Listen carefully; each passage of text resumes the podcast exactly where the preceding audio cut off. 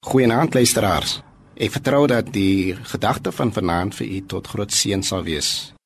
In Matteus 21 vers 28-32 kry ons 'n baie mooi en interessante gelykenis.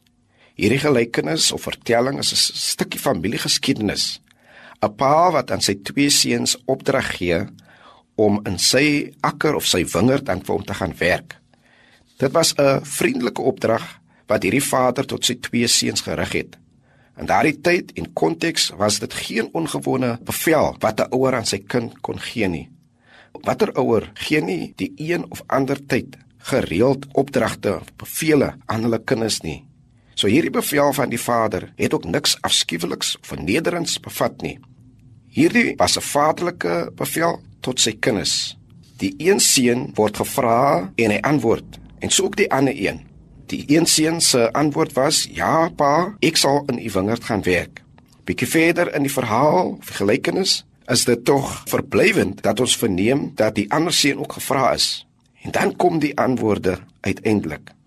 Die een wat gesê het: "Nee, ek wil nie in die wingerd gaan werk nie." Die Bybel sê hy het later spyt gekry en hy het toe maar gegaan om die opdrag van sy vader uit te voer.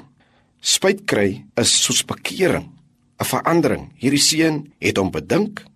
Hy het beslis nagedink en tot 'n hernuide besef gekom ten opsigte van sy voorneme en die opdrag van sy pa. Hierdie seun het tot homself gekom en maar gegaan en sy vader se opdrag gaan uitvoer. Die ander seun het ja gesê, maar hy het glad nie gaan doen wat hy aan sy vader beloof het nie om die wingerd in die wingerd te gaan werk nie. Hy het mooi beloftes aan sy vader gemaak, maar se meer uiteindelik geweier om uitvoering te gee. Met respek en eerbied en gesag teenoor sy vader, beloof hy, maar dan sien ons, hy kom dit nie na nie. Gebeur dit nie baie keer dat ons vir die Here bepaalde goed beloof en dan dit nie nakom nie? Dat ons mooi beloftes maak, dat ons dankbaar is vir God se goedheid en ook vir hom sê, Here, as U dit of dat vir my doen, sal ek die volgende vir U doen nie. En uiteindelik kom ons dit nie na nie.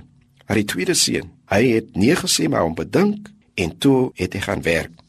Ek wil vandag vir u vra, kom dink na waaroor het u al beloftes gemaak?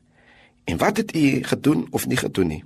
Die opdrag kom ook na u toe. Gaan werk my wingerd. God het iets spesifiek vir u in gedagte.